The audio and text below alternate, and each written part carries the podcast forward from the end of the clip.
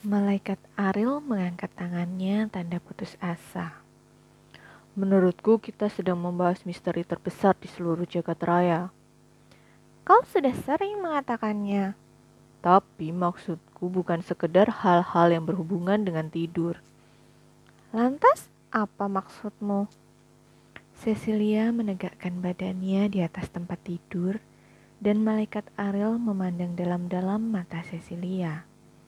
Kalian, manusia, tersusun dari atom-atom dan molekul-molekul di atas sebuah planet mini di jagat raya.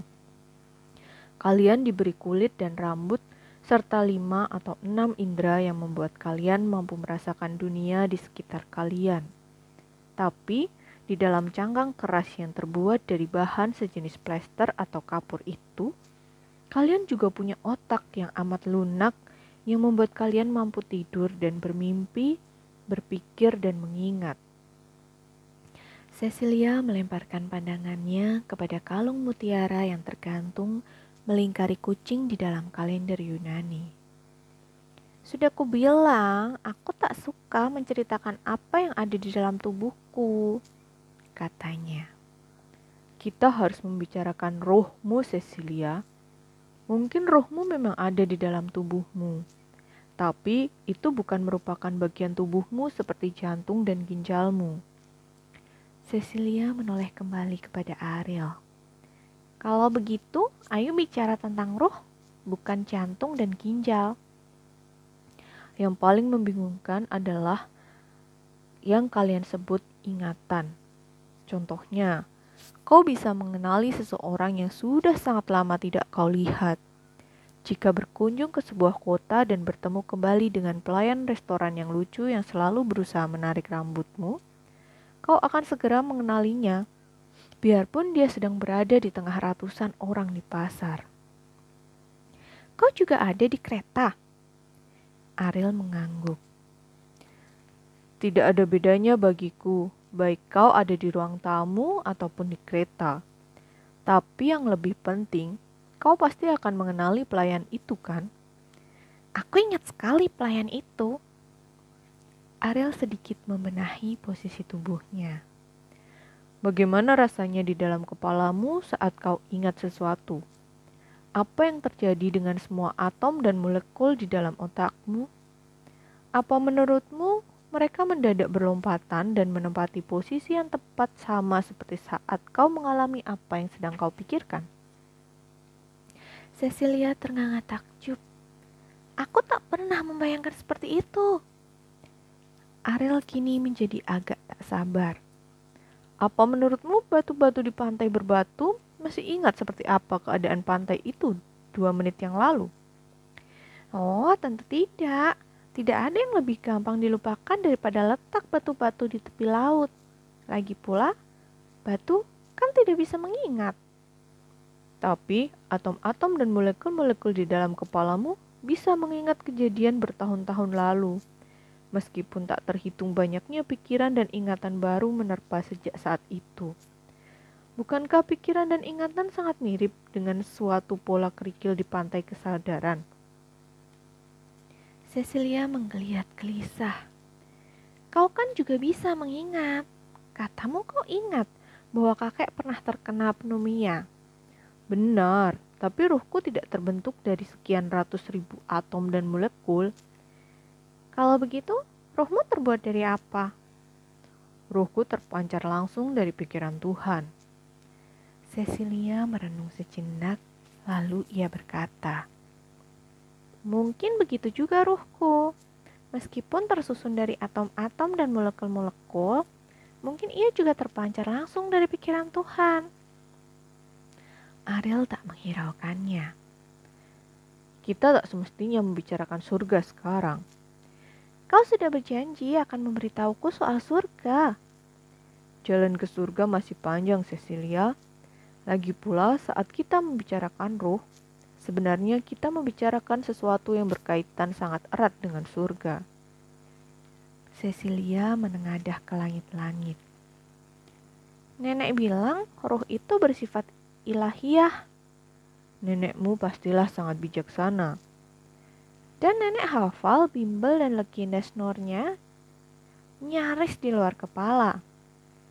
Nah, itu juga misteri. Apa? Bagaimana nenek hafal sesuatu di luar kepala adalah bagian dari teka-teki akbar yang sedang kita bicarakan. Tidakkah pernah terlintas di pikiranmu bahwa otak manusia adalah substansi paling misterius di seluruh jagat raya? Tidak sampai sekarang.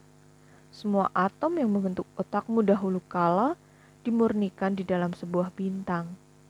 Tapi kemudian, atom-atom itu dirangkai dengan cara menakjubkan menjadi sesuatu yang kalian sebut sebagai kesadaran. Ruh manusia melompat-lompat di dalam sebuah otak yang dibentuk dari sejumlah partikel debu yang dahulu kala datang dari bintang-bintang di ruang angkasa. Pikiran dan perasaan manusia berputar-putar terus-menerus pada debu bintang yang tertata apik ini, yang di dalamnya semua kabel saraf dapat terhubung dengan cara-cara yang selalu baru. Kalau begitu, di dalam otakmu mungkin ada sejumlah debu dari bintang Bethlehem, dan dalam pikiran-pikiranmu, dalam semua ingatanmu.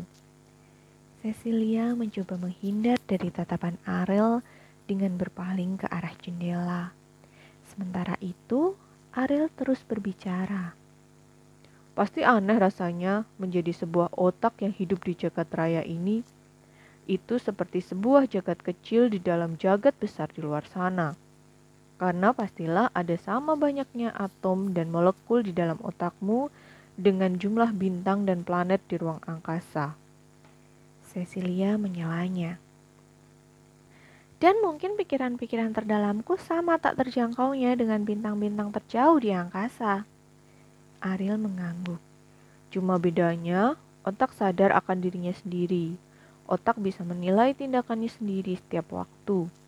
Jagat raya di luar sana tak bisa. Ruang angkasa tak bisa berdiri tegak dan berkata, "Aku adalah aku." Ruang angkasa butuh bantuan manusia untuk melakukannya. Cecilia tersenyum bangga. Aku setuju itu sebuah perbedaan penting. Tapi kau belum menjelaskan seperti apa rasanya mengingat sesuatu. Oh, aku lupa. Itu juga menarik. Apa maksudmu? Oh, aku lupa. Mungkin lebih baik kau jelaskan bagaimana rasanya melupakan sesuatu. Itu cuma hilang begitu saja. Itu cuma hilang begitu saja ulang Ariel. Kali ini dia juga berusaha meniru suara Cecilia. Tapi bisa saja hal itu tiba-tiba muncul lagi. Kadang-kadang aku merasakannya sudah di ujung lidah. Sudah di ujung lidah? Begitulah yang sering dibilang orang. Menurutku, tak ada hubungan antara ingatan dan lidah. Kau kan tak bermaksud mengatakan apa manusia manusia merasakan kata-kata persis seperti merasakan stroberi. Cecilia tertawa. Maksud ungkapan itu kira-kira rasanya aku tahu. Asal tidak ada yang menggangguku. Biasanya aku ingat apa lagi yang terlupakan itu. Kakek bilang, kita tak perlu memusingkan pikiran yang tak bisa kita ingat. Kenapa tidak? itu seperti ikan yang mendadak terlepas dari kait pancing. Dia hanya menyelam dalam-dalam dan akan kembali ke permukaan lebih gemuk lagi.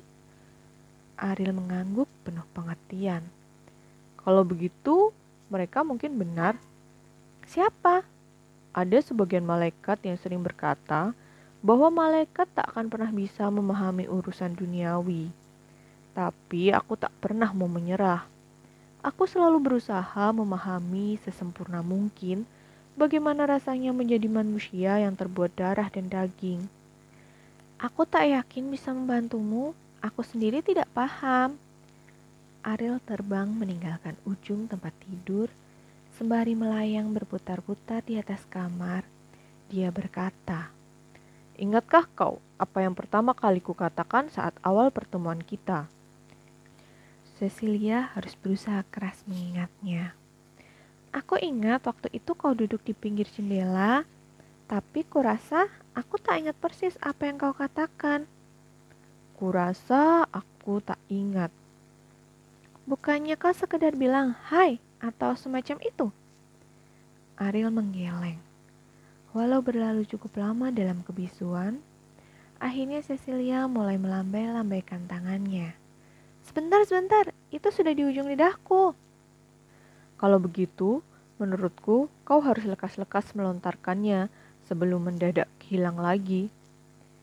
Ariel duduk di pinggiran jendela seperti saat pertama kali mereka bertemu. Cecilia memandang Ariel dan berkata, Kau bertanya apakah aku tidur nyenyak? Selamat. Nggak terlalu susah kok. Tapi aku menyaksikan sebuah misteri akbar. Aku bertanya apakah kau ingat tentang sesuatu. Dan kau jawab sudah lupa, sudah hilang. Tapi saat kau tak ingat, apa sebenarnya yang sedang terjadi?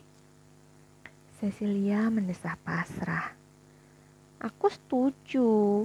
Aneh kalau dipikir-pikir. Kadang-kadang ada sesuatu muncul begitu saja. Dan dari mana tepatnya asal sesuatu itu? Dari dalam kepalaku. Ariel diam sejenak. Dan di mana tepatnya sesuatu itu muncul? Cecilia terpaksa tertawa.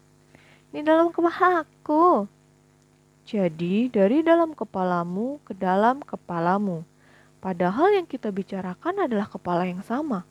Tapi, bukan hanya apa yang didengar dan dilihat manusia yang mereka ingat atau lupakan. Dan kemudian, tapi bukan hanya apa yang didengar dan dilihat manusia yang mereka ingat atau lupakan. Dan kemudian diingat kembali. Otak juga bekerja dengan sendirinya.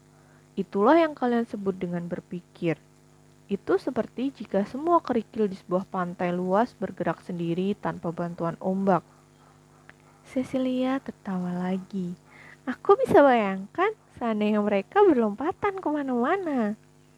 Dan pikiran yang kau pikirkan misalnya bahwa bintang pohon Natal itu hilang bisa dikesampingkan untuk sementara.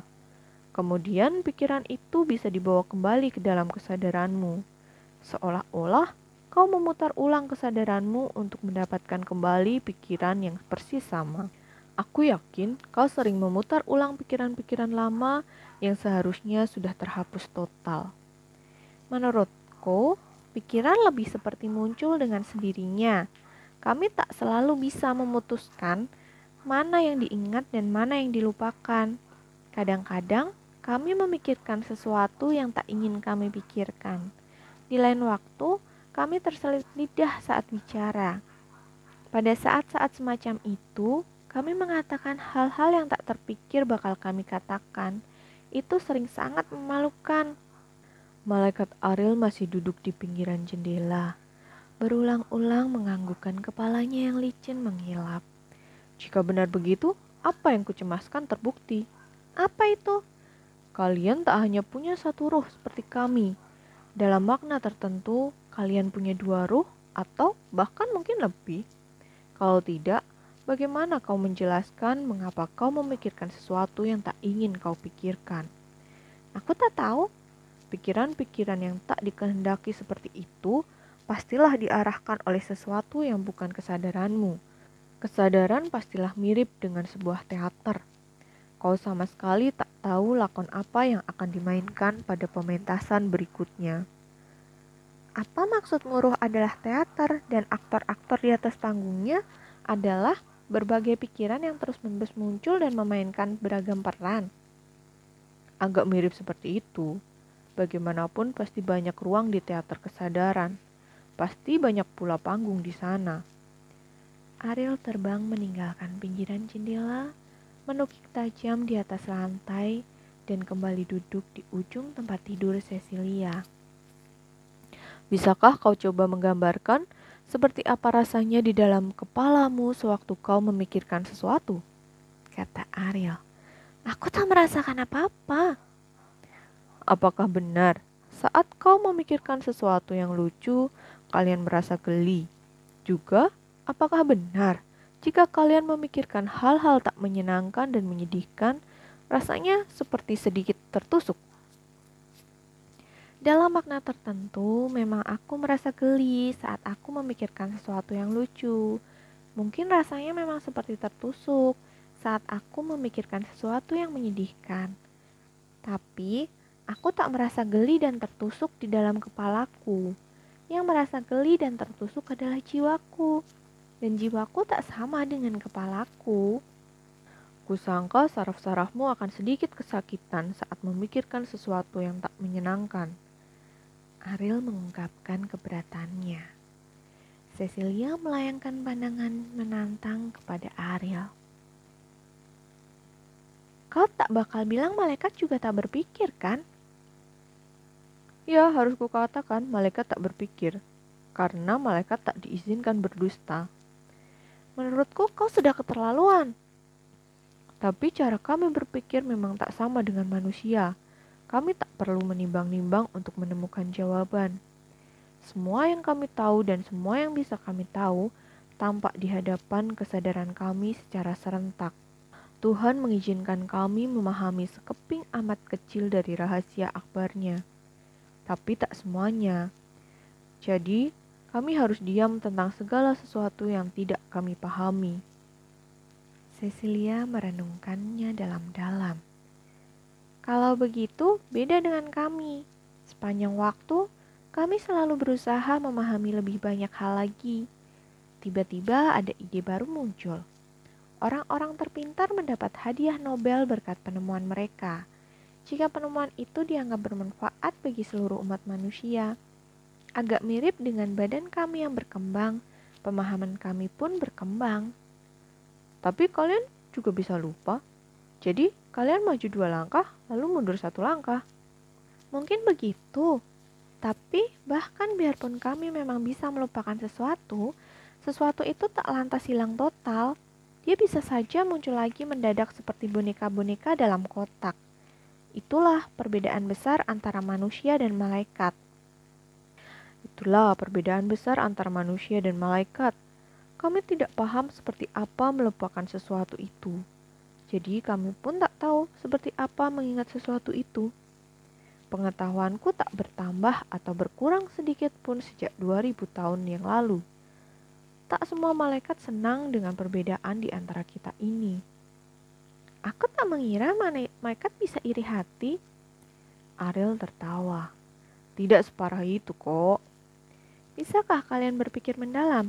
Kakek sering berkata punya banyak pikiran mendalam. Ariel menggelengkan kepalanya. Oleh karena semua pikiran kami tampak serentak di hadapan kesadaran kami, kami tidak pernah mengalami kegembiraan berupa kejutan mendapatkan ide-ide mendalam secara mendadak. Kami tak berlayar di lautan yang dikecamuk badai. Tempat ide-ide yang pernah terlupakan bisa mendadak muncul kembali seperti ikan gemuk dari kedalaman laut. Kau bilang malaikat tak pernah tidur? Tidak, kami tak pernah tidur, jadi kami pun tak pernah bermimpi. Seperti apa rasanya bermimpi? Saat bermimpi, aku tak merasakan apa-apa. Ariel mengangguk kecil. Sama seperti aku tak merasakan apa-apa saat melayang di udara. Sama seperti aku tak merasakan apa-apa saat memungut sebuah bola salju. Bermimpi adalah sebuah cara berpikir, kata Cecilia. Atau cara melihat, atau kedua-duanya. Tapi saat bermimpi, kami tak bisa memutuskan apa yang kami pikir atau lihat. Kau harus menjelaskannya untukku. Saat kami bermimpi, kepala kami berpikir dengan sendirinya. Benar-benar mirip sebuah teater. Kadang-kadang aku terbangun dan ingat mimpiku seperti sebuah drama atau film utuh. Drama atau film yang kau ciptakan sendiri karena kau sendiri yang memerankan semua karakternya. Ya, dalam makna tertentu. Ariel menjadi bersemangat. Mungkin bisa kita katakan bahwa sel-sel otak saling menayangkan film. Pada saat yang sama, film itu duduk di bangku bioskop dan menonton dirinya sendiri ditayangkan di layar. Perkataannya aneh sekali. Sel-sel otak saling menayangkan film. Tapi aku bisa membayangkannya. Karena saat kalian manusia bermimpi, kalian menjadi aktor sekaligus penonton. Bukankah itu sangat misterius? Hati Cecilia menciut. Kurasa hal itu terlalu mengerikan untuk dibicarakan. Tapi pasti menyenangkan dapat mengalaminya. kau menyaksikan pertunjukan kembang api pikiran dan gambar di dalam kepalamu sendiri. Padahal kau tak menyalakan satu kembang api pun. Pasti rasanya nyaris seperti mendapat pertunjukan gratis. Cecilia mengangguk. Memang bisa sangat menyenangkan, tapi juga bisa sangat menyeramkan. Karena kami tak selalu bermimpi indah. Kami juga bisa bermimpi buruk, amat seram. Sekarang Ariel baru benar-benar paham. Tentu amat menyedihkan jika kau membuat dirimu sendiri ketakutan. Idealnya, kau seharusnya punya kemampuan menghentikan sebuah mimpi jika kau tak menyukainya. Seharusnya ada pintu darurat di dalam bioskop. Tapi kena, karena bioskop itu adalah jiwamu sendiri yang memutuskan film apa yang diputar, itu menjadi benar-benar mustahil. Karena kau tak bisa lari dari jiwamu sendiri. Kau tak bisa menggigit ekormu sendiri. Atau jangan-jangan itulah yang kau lakukan saat kau bermimpi buruk. Kau menggigit ekormu sendiri hingga kau berteriak dan menjerit ketakutan. Cecilia mulai menggigit-gigit kukunya. Aku tak ingin seperti itu, katanya. Tapi aku tak bisa memutuskan bahwa diriku akan bermimpi indah. Aku harus menghadapi mimpi apa pun yang datang. Setelah bermimpi panjang, aku bisa saja terbangun dan merasa tadi malam berada di kereta.